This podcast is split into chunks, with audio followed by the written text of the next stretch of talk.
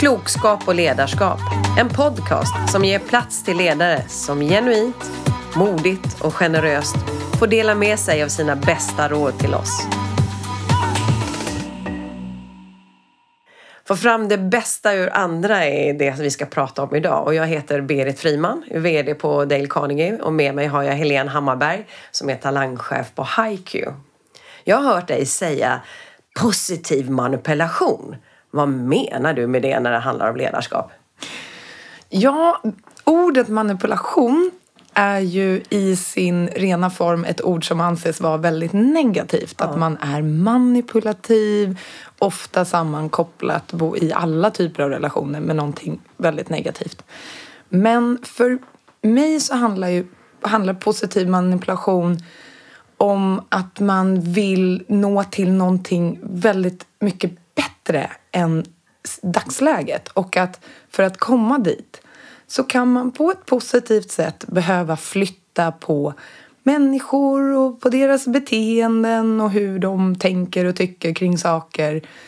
Oftast utan att de märker det, givetvis. Eh, och det är viktigt om man ska syssla med positiv manipulation så är det oerhört viktigt att man tänker att det är för det bästa för organisationen. Alltså vad gör det bättre för vårt företag eller vårt bolag? Och inte för sig själv, för då är man bara manipulativ. Mm, Okej. Okay. Så vad skulle du säga är, är liksom baskriteriet för att vara bra på att lyckas med det här med positiv, positiv manipulation? Då? Mm. Då skulle jag säga att det handlar om att vilja väl som det viktigaste, viktigaste baskriteriet. Eh, men också att man har ett stort intresse av att tolka beteenden och fundera på vad det är som ligger bakom ett beteende istället för att bara känna emotionellt när beteendet uppvisas. Mm. Men hur gör du då Helene? Om vi säger att det, är en, det, det, drar ihop sig, det blir liksom en diskussion, det kanske till och med eskalerar. Så det verkligen blir känslor i det hela. Hur gör du då? då? Nu med lite erfarenhet så tänker jag att det handlar väldigt, väldigt sällan om något personligt. Alltså det är sällan att jag behöver gå in i ett läge där jag tar åt mig. Utan det handlar allt som oftast om något annat underliggande. Men det tar sig kanske uttrycket i att den här personen som troligtvis inte är på ett bra ställe eh, kanske ger uttryck för negativa saker som man kan, kan ta mot sig själv. Och att inte göra det utan att backa och fundera och lyssna klart och sen fundera på om det inte handlar om mig. Vad kan det handla om då? Har du något konkret exempel? Något som har hänt nyligen? Ja, men ta till exempel, alltså det tror jag är oerhört vanligt som jättemånga känner till. När vi blir stressade, när det är mycket, det är någonting som pressar oss. Så hos många människor så växer ett kontrollbehov då. Inte ovanligt, har det själv. Eh, och därför så är det ju i de lägena så blir det viktigt att då fundera på så här, okej, okay, den här personen är antagligen pressad och behöver känna kontroll. Det är därför jag får den här uppgiften som kanske egentligen känns väldigt micromanagement. Det är inte alls vanligt, det är inte alls så som vi jobbar ihop. Och istället då för att bli sur och ta det som att ah, jag litar inte på mitt arbete till exempel, vilket är en vanlig reaktion. Mm. Att man tänker då att okej, okay, den här personen är nog väldigt pressad av något annat som jag inte känner till vad det är. Eh, och att istället för att gå in i en emotionell reaktion försöka gå in snarare i en så här okej, okay, jag kanske kan ge den här personen lite känsla av att den har kontroll för att sen kunna fortsätta med det som är viktigt för mig att få göra utan att någon petar i det till exempel. Men hur, skulle du, hur gör du då? Hur säger du till den här personen? För det är ju väldigt lätt som du säger att själv liksom gå, gå tillbaka eller gå till attack tillbaka.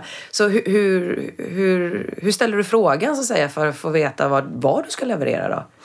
Ja, alltså antingen så får man en konkret uppgift som man bara kan, okej, okay, jag gör den här, det blir bra, även om det egentligen kanske inte är nödvändigt. Okej, okay, så du biter ihop och gör det? Man. Ibland får man bita ihop och göra det, mm. for the greater good. Om mm. jag har bestämt mig för att jag behöver ju göra det här för att ge den här personen en känsla av kontroll. Mm. Då kan det vara jättebra att bara, då gör jag det. Okay. Det blir bra. Mm. Eh, och ibland så får man ju så här, okej, har man arbetat upp en relation där man kan prata lite grann i alla fall med varandra, får man ju hoppas på.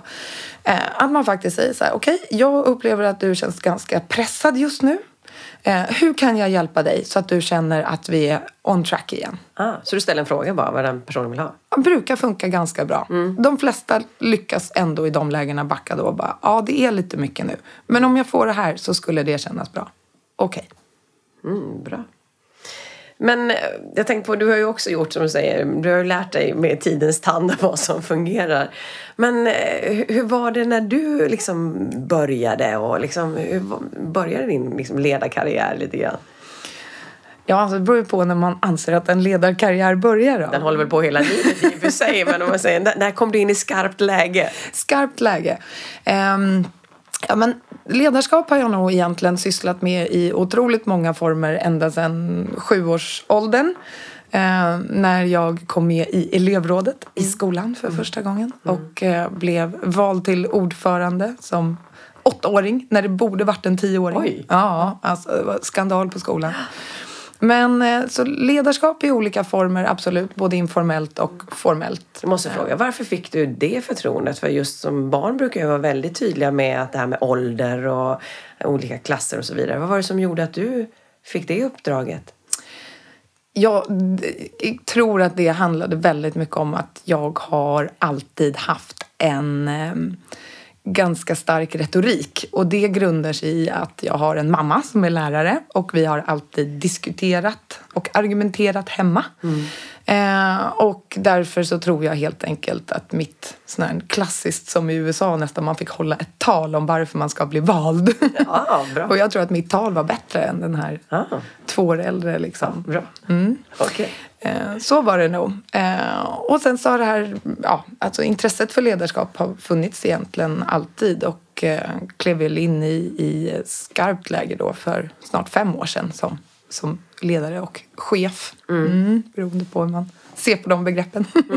Men hur var det när du kom in då? För du sökte ju en del jobb och sånt kan jag tänka mig också och satt och liksom skulle berätta och var, var, varför just du skulle bli vald. Fungerar din retorik då också? Ja, men ganska bra har den nog fungerat genom livet, absolut. Och i mina första sådär efter universitetet, man går på anställningsintervjuer och herregud. Dels är man ju väldigt nervös, men sen handlar det ju också om att vi hade nog, eh, om jag tänker min, min klass då från personal och arbetsvetenskapliga programmet. Vi hade en ganska naiv bild. Vi trodde att vi skulle jobba med HR-strategi när vi var klara med skolan. Det kan man göra efter ungefär kanske 5 till 10 år. Men, men i alla fall, så att när vi sökte då våra första jobb så vet jag att jag fick frågan, så här, vad är du bra på? Och den är ju oftast lite enklare. Man bara, jag vet mina styrkor och sådär. Vad är du bra på då? Jag är bra på att ge energi och entusiasmera och jag är bra på att få folk att samarbeta och få saker gjort. Ehm, och så. Så den kände jag med, den var, den var okej. Och sen vet jag då, det som blev mitt första jobb, då ställde de frågan, ah, men Helene, vad är, vad är din svaghet hos dig då? Och jag hör mig själv säga min ärliga största svaghet. Och efteråt var, åh herregud, varför sa jag det där? Och då Vad sa du då? Ja, då sa jag att "Aj, jag är ganska konflikträdd. Och det är ju inte så ovanligt, men kanske inte jättebra när man ska jobba med HR. Så Nej. HR faktiskt hanterar konflikter ganska ofta. Så att, eh, jag gick därifrån och tänkte, ja, ja, det var den chansen. Eh, och sen så hörde de av sig och erbjöd mig jobbet. Jag förstod ju, ja, jag förstod ju det. Jag är ju bra på massa saker också. Men jag var väldigt förvånad och tyckte att det var jättekonstigt. Och så frågade jag faktiskt om det sen, min chef då när jag hade börjat. Så jag bara, hur kunde ni anställa mig när jag sa att jag var konflikträdd? Och då sa de, ja men det kan vi lära dig. Men vi kan inte lära dig att vara energisk, medmänsklig, varm och de bitarna som är du. Men att lära dig ta konflikter, det kan vi, det kan vi sätta i dig. Mm, spännande. Så hur har du lärt dig det nu då? Jag är väldigt mycket bättre ändå. Okej. Eh, Men det är nog fortfarande en av de saker som jag eh, jobbar på och käm- kämpar med. Absolut. Okej. Men det är precis som du säger, i din roll så stöter du ju på konflikter utifrån att du har ett sådant ansvar. Så hur, hur gör du idag när du märker att eh, sen två av dina kollegor har olika åsikter och det börjar eskalera? De konflikterna tycker jag är ett väldigt lite, alltså de är inte så svåra. Mm. Eh, för då är ju inte jag en del av den. Mhm. Utan då blir jag ju en medlare. Mm. Det älskar jag. Jag skulle ju vara, min barndomsdröm var ju att bli generalsekreterare i FN. Så det här Okej. med diplomati och medla, det var jag helt inne på. Eh, och har sysslat med eh, hela mitt liv. så att när det är en konflikt mellan två andra människor, då handlar det ju väldigt mycket om att lugna ner båda parter om det är upprört. Ibland får man tillfälle att göra det, ibland får man vänta tills man har dem var och en för sig. Vad gör du sen då? Sen så, det viktigaste man kan hjälpa till med i konflikt är ju att få vardera sida att se att den andra sidan inte nödvändigtvis menar något ont. För att man låser sig väldigt ofta i att den vill bara för att och det är dumt. Så att försöka ställa så många frågor som möjligt kring vad den tror att den andra menar egentligen. Var det inte så att det kanske bara lät så här? Kan du se att det skulle kunna vara någon annan vinkling? Och det är i alla fall mitt recept för att hjälpa till att medla i konflikter. Det är att försöka ta fram just den där känslan av att så här, ja, det kanske var jag som reagerade lite starkt också. Och om båda sidor landar i den, då, då kommer konflikten lösas. Mm, bra, så där, jag, där, jag hör att du har din strategi klar där. Uppenbarligen så fungerar den väl. Men hur, vad händer med dig då, då när du hamnar själv i, när du blir en del av konflikten, när du har någon som blir arg eller sur på dig? Ehm, ja, men i grunden så tror, är jag en person som tycker om när människor tycker om mig. Mm. Eh, så är det. Så att eh, när, när folk är arga på mig så, så upplever jag det som tufft. Jag tycker att det är jobbigt helt enkelt. Vad händer med dig då? Så att då, ehm, med erfarenhet så har jag, har jag ju lärt mig att det är okej att folk inte tycker att man är fantastisk just då. Eh, och det får man helt enkelt bara lära sig att ta och gå tillbaka till sig själv, precis som med positiv manipulation. Det är ju inte nödvändigtvis jag som person här som de inte gillar, utan vi är oense. Och är jag i en, i en maktposition, det vill säga att det här är en person som jag leder, så är vi ju inte heller jämlika. Och det ska man komma ihåg. Jag har ju makten som ledare att bestämma. Eh, och ibland lyckas jag med det här riktigt bra och ibland lyckas jag mindre bra. Har du något exempel som du kan säga där du har lyckats bra så vi kan höra hur du gör?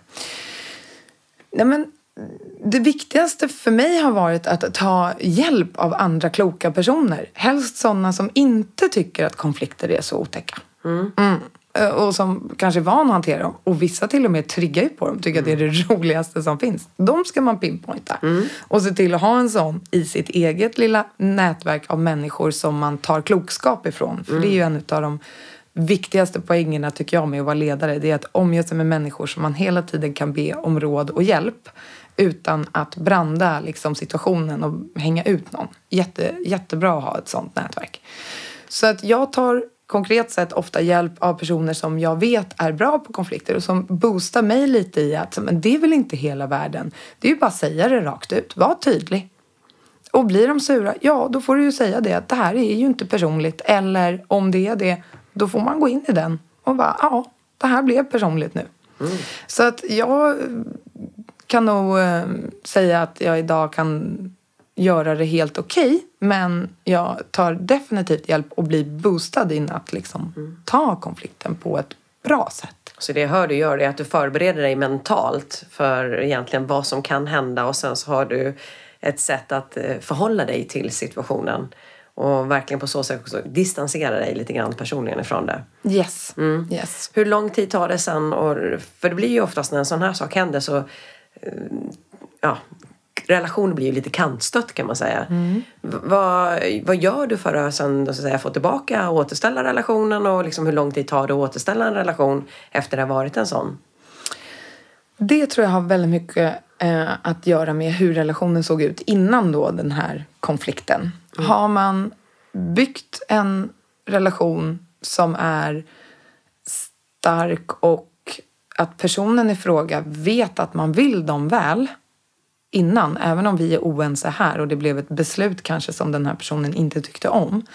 Vet de innan, så så fort känslor lägger sig så är de allra flesta människor rationella nog att så här, ja, det är ju inget liksom personligt mot mig.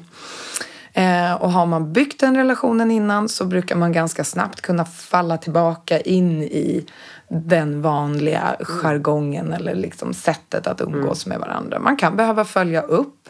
Hur känns det nu? Är det någon fråga som har dykt upp kring det vi pratade om som var ganska tufft? Vill du liksom mm, prata bra. om det igen? Mm. Eh, så. Så att eh, det har nog mycket med att göra att här, om man har Bygg starka relationer först. Då är det ju lättare mm. att vara, vara oense sen. Mm. Och sen det jag hör är att du går tillbaka och för att säkerställa att, mm. att saker och ting är som det är. Så det inte bara check och sen vidare på nästa. Vilket är lätt hänt när det är mycket omkring en. Ja, och det tror jag att man vill helst sopa under mattan när ja. det är klart. Eh, men man kan behöva dra ut de där små, små monstren ett par gånger i ljuset innan mm. de är helt borta. Mm. Eh, och ibland gör man det och då brukar det vara ganska effektivt. Mm. Och ibland när man missar att göra det då kan det ju ligga kvar och puttra lite längre. Mm. Så att det mm. Mm. Jag tänkte på en av din uppgifter är ju att liksom hitta talanger och framförallt liksom få fram talanger hos människor som ni har runt er eller dina kollegor. Eh, och ibland har alla människor talang och framförallt hur får man fram och odlar den talangen som människor har? Vad har du för recept på det? den lilla frågan. Ja, den lilla frågan vill jag ha svar på. Nej, men min benfasta tro är ju att alla människor har talanger, absolut. Och för mig och mitt team som jobbar med det här så handlar ju talang väldigt mycket om, såklart, i vår bransch eh, som är IT. Men talang och hur man får fram det bästa i människor eh, om jag talar liksom som en, som en sann beteendevetare, det är ju faktiskt att förstå människors beteenden. Mm. Eh, och där är vi tillbaka lite i det här att om du förstår hur en människa beter sig så kan du också göra det bästa för att den ska växa och må bra. Eh, men då behöver du lägga kanske lite tid på att mm. försöka klura ut en, en människa. Mm. Den verkar reagera så här på tydlighet. Den verkar reagera så här när man lindar in saker och försöka hitta då så här. Hur, hur behöver människor kommunikation på olika sätt? Inte det lättaste, men det är mer lite så här, mm, låt mig klura lite här. Så kan man komma på ganska mycket bra saker. Eh, och jag försöker peppa mitt team väldigt, väldigt mycket på att deras... Mitt jobb är såklart att vara med och utveckla dem. Men deras jobb är att vara med och utveckla mig. Mm. Som deras ledare och chef. Hur menar du då? Jag, jag tror att det finns inga bättre att göra en bättre än de som är i ens team. Det är ju de som faktiskt märker hur man är. Och om jag ska bli, liksom, mina talanger ska komma fram. Om jag ska bli den bästa ledare jag kan vara. Då behöver jag ju mitt team jättemycket för att de ska hjälpa mig att bli det. Mm. På samma sätt som mitt jobb är att göra min ledare och chef mycket, mycket bättre. Alltså om alla tänker att jag gör alla runt mig lite bättre. Alltså vilket fantastiskt arbetsliv man ska ha. Underbart. Ja, helt klart. Eh, om du tittar på ditt team då, vad har, de, eh, har du någon situation där du har sett ditt team eh, har hjälpt till eller gjort dig till en bättre ledare? Ja, definitivt. Mitt team är ärliga mot mig. Mm. Och jag är superstolt över dem, att de är det. De säger till. De kallar mig lite skämtsamt så här för chefen. Det är mer ett smeknamn än något annat. Men de bara, du chefen, nu tycker jag att du är med och petar i grejer lite för mycket. Okej. Okay. Mm. Och så får jag tänka tillbaka och, och liksom stanna upp och lite, ja det gör jag. Varför gör jag det? Ja, antagligen för att jag behöver ha lite kontroll. Mm. Eh, behöver jag ha kontroll? Nej, de är ju duktiga. De klarar det här själva. Mm. Mm. mm. Mycket självcoachande hör jag. man får syssla med det mycket. Om man vill pyssla med det här. Så att definitivt, mitt team hjälper mig att bli bättre genom att vara ärliga och ge mig feedback när någonting skaver. Men också genom att bekräfta mig och säga att jag tycker du är jätte, jättebra på det här och tack för att du hjälpte mig och höll min rygg i den här situationen. Bra, då får jag veta att det här ska jag göra mer av. Så att vara öppen för feedback och inte vara rädd för att folk säger faktiskt saker som är ganska jobbiga och som jag kanske måste ta i om de är sagda högt. Mm. är väl ett väl beprövat och känt men ack så svårt recept på ja. att bli en en talangfull ledare. Då.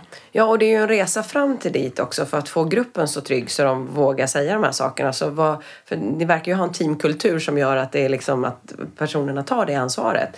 Så vad gör du, vad, eller vad har du för recept för att få en sån stark teamkultur? Att bry sig. Hur då? Mm. Att, att bry sig om de som är i ens team. Och nu vill jag nästan säga så här, på riktigt. Eh, och det är klart att man kan fejka att bry sig. Eh, men att bry sig för att man vet att om jag bryr mig om den här gruppen så kommer de bry sig om mig. Vilket kommer göra mitt jobb mycket, mycket lättare. Eh, och att genuint se och bry sig om personer man leder gör människor trygga. De vågar göra misstag, de vågar ge konstruktiv feedback. De kommer fira dig när, när det går bra. Så att att genuint bry sig, det betyder inte att man alltid är snäll och att man alltid eh, eller snäll är man nog alltid. Hmm. Men det betyder inte att man alltid gör exakt som alla, alla vill. Men, men det, om, om de genuint känner att det här är en person som vill mig väl då kommer man bli trygg nog att hjälpa sin chef att bli bättre. Helt mm. övertygad. Mm. Du sa ju också det att du gör vad du kan för att göra din chef bättre. Mm. Och ni är ju en hel ledningsgrupp som eh, sitter och jobbar tillsammans. Så hur jobbar du då med dina kollegor i ledningsgruppen?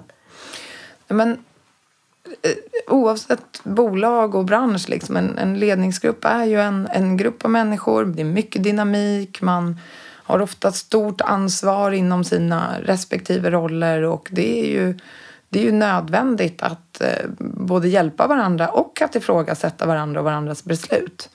Men jag tror att eh, ett eh, bidrag som jag gör är ju just att så här, ja, studera och känna in människor och försöka liksom, ja, hjälpa till i den bemärkelse att man pratar med folk som man ser. Det där blev ju lite kanske upprört. Okej, okay, vad betyder det? Behöver de prata om det? På vilket sätt?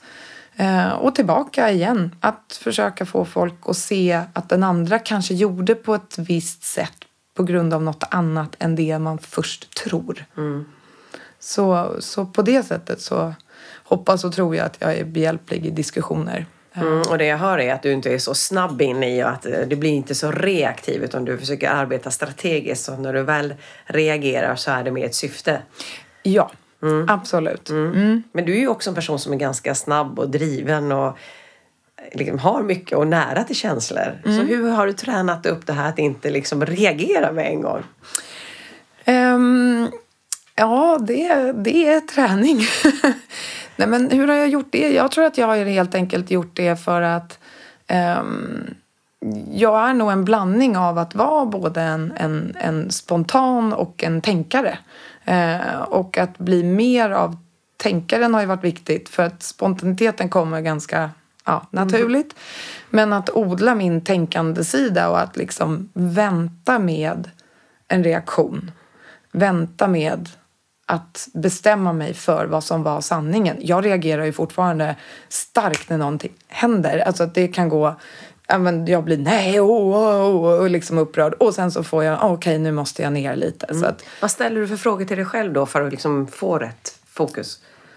Då börjar jag ju som jag alltid gör med frågan så här, kan det finnas någon annan anledning än den som är eh, den, den naturliga vi ser just nu? Mm, Okej, okay. ja det kan finnas de här två vinklarna också. Den ena är osannolik, den andra är ganska sannolik. Jag måste gräva mer i den vinkeln. Så att, eh, att bara ta det där lilla steget tillbaka. Det är klart att man måste få reagera. Reagera, ja. Och sen kan man gå tillbaka och fundera. Okej, okay, mm, här behöver jag nog se om det inte kan vara något annat. Ja, det kan nog vara det här. Och så kanske man får gå tillbaka och säga så här, du jag reagerade lite starkt här. Jag har tänkt efter, jag tror att det kan vara så här. Och att bara erkänna det. Mm. Så med andra ord är det att gå tillbaka och be om ursäkt när du varit för snabb? Det kan man absolut göra. Ja. Mm. Mm. Det tror jag är jätteviktigt. För att varje gång man går tillbaka och ber om ursäkt så kommer ju andra människor klar, känna att de klar, kan få göra det och klarar av att göra det mot dig också. Mm, bra. När du ser tillbaka så här på dina år som chef, vad är du riktigt, riktigt stolt över? Jag är riktigt stolt över att mitt team har växt och att de växer eh, som personer. De gör ett jättejobb med att växa och jag får vara med på den resan och påverka den resan. Det är fantastiskt. Eh, jätte liksom klyschigt men så är det. Att liksom få vara med på en annan människas väg liksom, att blomma är ju, ja, det är ju den största liksom, belöningen mm. någonsin. Mm. Eh, så är det. Och eh, sen så, mm, jag är ju också stolt över att jag idag är lite bättre på att liksom, mm, ta konflikter när jag behöver. Kommer fortsätta på den. Eh, och sen är jag väldigt stolt över att jag är en positiv manipulatör. Jag är superstolt över den, det epitetet som jag gett mig själv. Då. Men, mm. men jag är stolt över det för det har många gånger hjälpt andra framåt. Eh, och mig själv. Mm, bra. Jag tänker också på, för du, det syns på dig att du blir stolt hela du lyser upp och det hörs också när du pratar om ditt team att du är väldigt stolt och glad för deras skull. Och jag misstänker att ni, precis som alla andra, jobbar ju med att inte alla resurser finns på plats, alla lösningar finns inte på plats på början utan man måste hela tiden jobba fram det. När du ser på det perspektivet, är det någon situation du har varit i där du liksom har verkligen fått anstränga dig, där du verkligen bara känner nej, usch, det här kommer inte gå. Och, men som ändå kanske löste sig. Har du någon sån specifik situation som du kan tänka på? Ja, alltså det finns ju alltid de där stunderna när man undrar har jag valt rätt? Ska jag göra det här? Hur tar vi oss ur det här? Alltså, det tror jag är ofrånkomligt. Och ja, eh, till exempel i, i stunder när eh, när man, man har på sig ett uppdrag att till exempel leverera ett visst tal och säga ja, men vi ska anställa så här många. Mm. Hur många, har du, vad hade du har du någon specifik situation som du tänker på? Jo, men alltså, när, man, när man är i den situationen ja. så här, okej, okay, vi ska anställa så här många den här månaden och man når inte det. Då, då skapar, det skapas väldigt mycket frustration. Ja. Eh, såklart. Vad händer med gruppen när den frustrationen skapas då? då? Folk går in i ett lite mer liksom stressat läge. Mm. Eh, och kanske inte stressat för att man jobbar alltid liksom alldeles för snabbt och för länge utan det här är ju mer en annan typ av stress. Liksom att jag vill leverera, jag vill att det ska bli bra. Lite prestationsångest? Lite prestationsångest. Um, och man kan inte alltid påverka heller leveransen. Nej. Och det skapar ju alltid en viss form av maktlöshet mm. vilket, mm. vilket stressar oss ju. Uh, och i de lägena så är, är, tycker jag att det är viktigt att, att kunna pendla. Att ha en, liksom, ett pendlarledarskap. Att, att hitta en balans mellan ett, ett tryck mot att vi ska nå målet. Hur, hur trycker du då? För när Nej, du känner den? En tydlighet i att liksom, ja det är tufft men vi ska ditåt. Vad kan vi göra mer? Kan vi göra något annorlunda? Kan vi ta bort någonting? Vad prioriterar vi bort nu? För att det här målet kommer före allt annat. Måste vi göra det här just nu? Finns det någonting du kan göra om två veckor istället? Alltså att försöka liksom hjälpa till att vad tar vi bort och, och liksom vad fokar vi på just nu? Eh, för att minska den prestationsångesten liksom, över att oj, nu är vi inte liksom framme vid det målet som är uppsatt för oss. Eh, så den, den finns det definitivt liksom där. Och den andra sidan är ju att sprida energi, försöka liksom hitta ur sina egna reserver att vara glad, entusiasmerande, peppa, high-fivea och, och försöka att mixa dem. Det tydliga trycket och prioriteringstänket som gör att det blir väldigt klart vart vi ska. Och det här är fantastiskt, det kommer gå superbra och nu kör vi bara och eh, kanske springa ner och köpa en, en eh, hälsoshot till alla för att det är liksom, nu behöver vi peppa upp oss eller liksom bara, inte vet jag, sätta ihop ett collage, ta fåniga bilder. Alltså så att ge sig lite tid för lite trams mitt i det här pressen. Eh, för att ta lite tankarna i, ifrån det en liten stund. Det brukar fylla på mycket energi. För det är någonting som jag har märkt. Ni är ju väldigt duktiga på att göra lite, vad får säga, en happening av, om man säger, som man kan tycka ganska vanliga saker. Eh, det kan vara en kollega som kommer tillbaka från föräldraledighet och då är liksom, står ni och hälsar välkommen på ett speciellt sätt och så vidare. Så ni är ju duktiga på att göra en grej av ganska, om man säger, ja, då vanliga saker.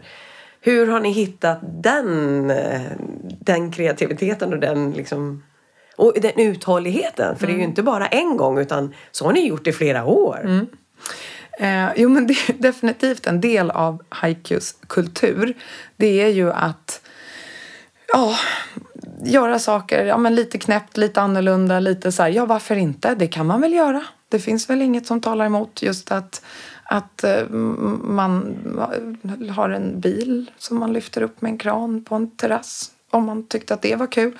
Eller bara att man blåser upp 20 flamingos i köket och bara för att det är fint och man blir glad av det.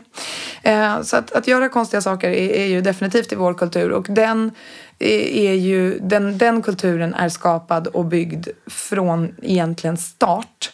Den har funnits med sedan början och uthålligheten tror jag är så pass Svaret är så pass enkelt som att människor känner att man får vara sig själv. Och får man vara sig själv då vågar man ju vara lite lite, lite knäpp eller alltså att få utlopp för sin nördighet. Att man tycker att det är jättekul med brädspel. Ja, men då nördar vi oss vid tolv brädspelsspelare och liksom att det finns inget så här, var så här, se ut så här, gå så här, prata så här, utan bara var den du är så blir det nog bäst. Och då kommer de här knäppa sakerna av sig självt. Mm. Som förgyller tillvaron helt klart. Alltså så mycket skratt. Herregud. Mm. Mm.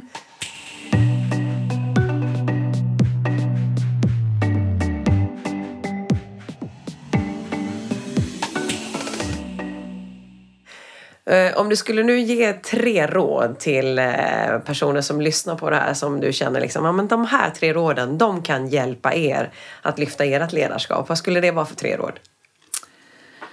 Då skulle jag säga att ett, ähm, att bry sig. Har du svårt att bry dig om en, om en person eller om en grupp, att det inte faller naturligt för dig, Eh, fundera på hur du kan koppla att du bryr dig väldigt mycket om det som de gör till den personen. Kommer det naturligt för dig, alltså att, att våga bry sig och att våga säga att man bryr sig lägger grund till att du får trygga medarbetare som vågar säga till när något är fel men också som vågar fira. Mm. Så att, att bry sig eller att hitta vägen framåt genom att bry sig om vad, vad de gör eh, tror jag är ett jättebra råd.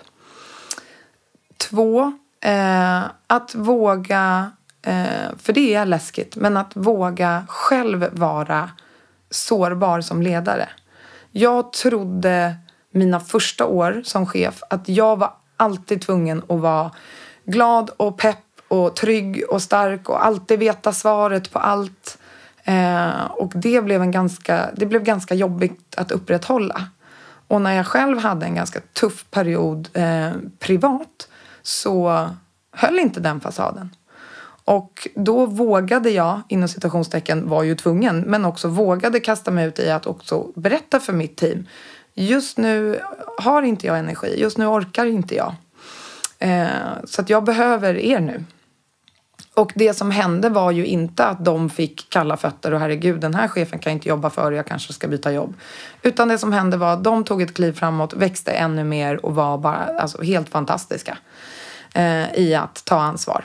Eh, så att eh, helt enkelt eh, våga vara sårbar, även som ledare, tror jag är, är jättebra. Och den tredje skulle jag nog säga var att när det är tufft, för det kommer det vara, som ledare, som chef, det, det kommer tuffa stunder. När det är riktigt tufft, stanna upp och försök hitta guldkornet att ha roligt. Skratta åt någonting, försök hitta någonting som gör att bara så här, nu fyller vi på en liten energidepå så att vi kan jobba vidare mot det tuffa mätbara målet, mot vad det nu är som du är liksom satt att fixa med ditt team. Stanna upp, skratta lite. Mm, bra. Eh, väldigt bra råd och som sagt var ibland kanske inte så lätta att leva efter men som sagt var helt klart kan göra en stor skillnad för oss. Eh, temat idag var ju det här med att eh, plocka fram eh, det bästa hos andra. Så avslutningsvis, om du skulle ge oss en rekommendation för att verkligen plocka fram det bästa hos andra, vad skulle den vara då? Den är att tänk alltid på att människor är alltid mer mångfacetterade än det som syns utåt just där och då. Så för att plocka fram det bästa i andra, fundera lite på vad som faktiskt kan ligga bakom en reaktion eller, eller ett, ett, uh, uttalande. Och sen fundera, ah, okej, okay, hur kan jag få den här personen att hamna på ett bättre ställe genom det, den funderingen. Tack så mycket Helene. Tack.